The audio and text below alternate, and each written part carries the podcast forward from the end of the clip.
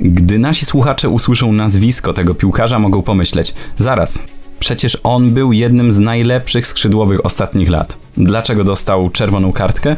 Chęć podążania za pieniędzmi i zmarnowanie swojego niewyobrażalnego potencjału to także powód, dla którego zawodnik może dostać o nas popularnego Asakier. Sprzed mikrofonów witają się z wami Piotr Bukański i Michał Chmielewski. Neymar da Silva Santos Jr., urodzony 5 lutego 1992 roku w Mogi das Cruzes w Brazylii, to postać, której droga do futbolowej świetności przypomina niezwykłą opowieść. Od małego chłopca bawiącego się z piłką na uliczkach swojego miasteczka do międzynarodowej gwiazdy, której umiejętności zachwycają tłumy na największych stadionach świata. Jego przygoda z futbolem rozpoczęła się w młodym wieku, kiedy to dołączył do juniorskiej drużyny Portuguesa Santista.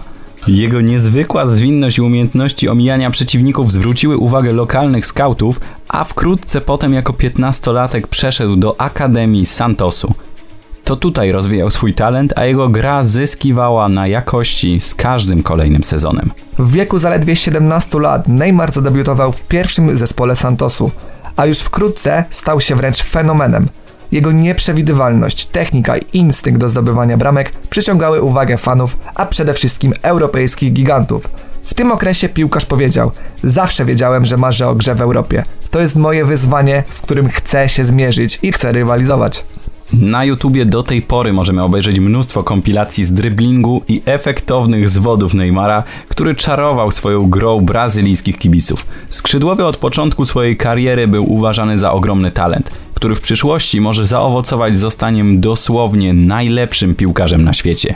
W drużynie Santosu Neymar rozegrał 139 meczów, w których strzelił 72 bramki i zaliczył 37 asyst. Aí Neymar protegeu, fez o drible, que lance do Neymar,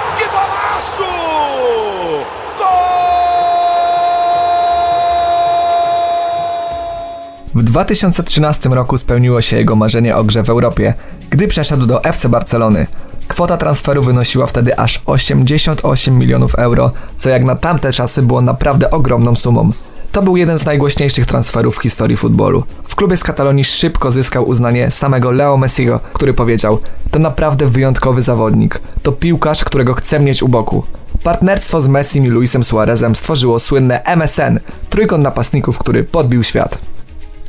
Grając w Barcelonie, Neymar stworzył niezapomnianą i piękną historię, która przyczyniła się do licznych sukcesów zarówno klubowych, jak i indywidualnych. Jego przybycie do Katalonii w 2013 roku było spełnieniem marzeń, a jego obecność w drużynie wywarła ogromny wpływ na styl gry klubu.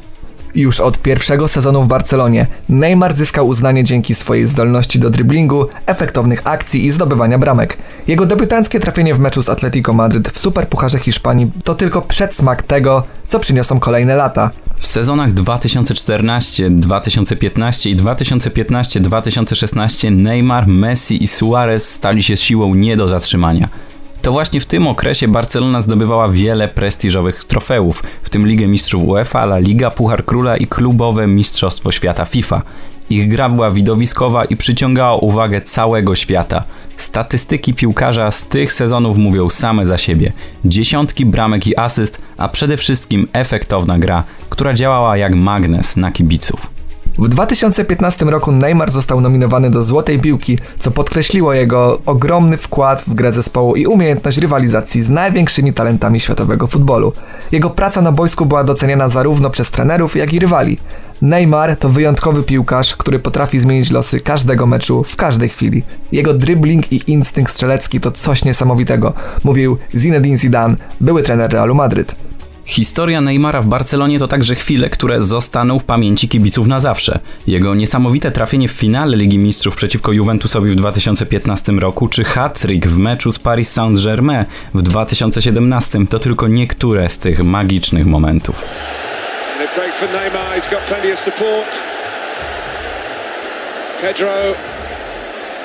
Neymar to seal it all.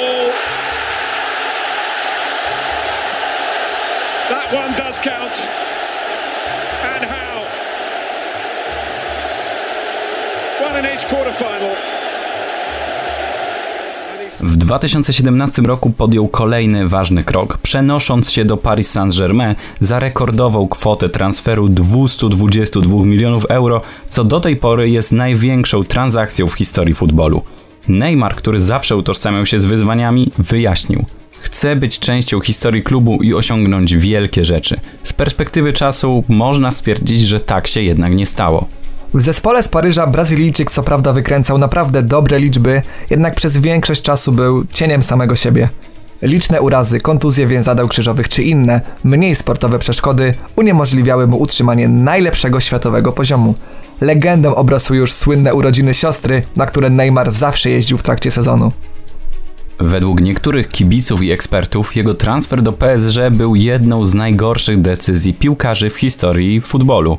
Przez 6 lat Neymar nie zdobył z zespołem upragnionego trofeum Ligi Mistrzów, co spotkało się z szyderą i kpiną ze strony innych klubów. W końcu PSG wydało setki milionów na piłkarzy, którzy mieli zagwarantować puchar Champions League. Gdyby tego było mało, obecnie 31-letni Neymar zadecydował, że swoją karierę będzie kontynuował Arabii Saudyjskiej. Kiedy 35-letni Robert Lewandowski rywalizuje w Barcelonie na najwyższym poziomie, walcząc w meczach ligowych, Neymar z odstającym brzuszkiem rozpoczyna treningi w zespole Al-Hilal. Saudyjczycy zapłacili za skrzydłowego 90 milionów euro, jednak nie to robi największe wrażenie. W Arabii Neymar w ciągu dwóch sezonów gry może zarobić ponad 300 milionów euro. Co więcej, zawodnik otrzyma własnych lokajów, prywatne odrzutowce i willę z basenami oraz małe zoo z egzotycznymi zwierzętami. Granica absurdu została przebita, a Brazylijczyk stał się jej twarzą. Najpierw transfer do PSG był skrojony pod niemałe zarobki, a teraz Neymar udowodnił, co tak naprawdę po odejściu z Barcelony było dla niego największą motywacją. A już w kolejnym odcinku zajmiemy się piłkarzem, który uchodził za prawdziwego boga futbolu i do tej pory jest jednym z najbardziej znanych przedstawicieli tej dyscypliny. Opowiemy Wam pełną zlotów i upadków historię boskiego Diego. Nie będzie to jednak klasyczny odcinek, ponieważ pojawi się w nim trzeci prowadzący. Kto to będzie? Słuchajcie nas już za tydzień.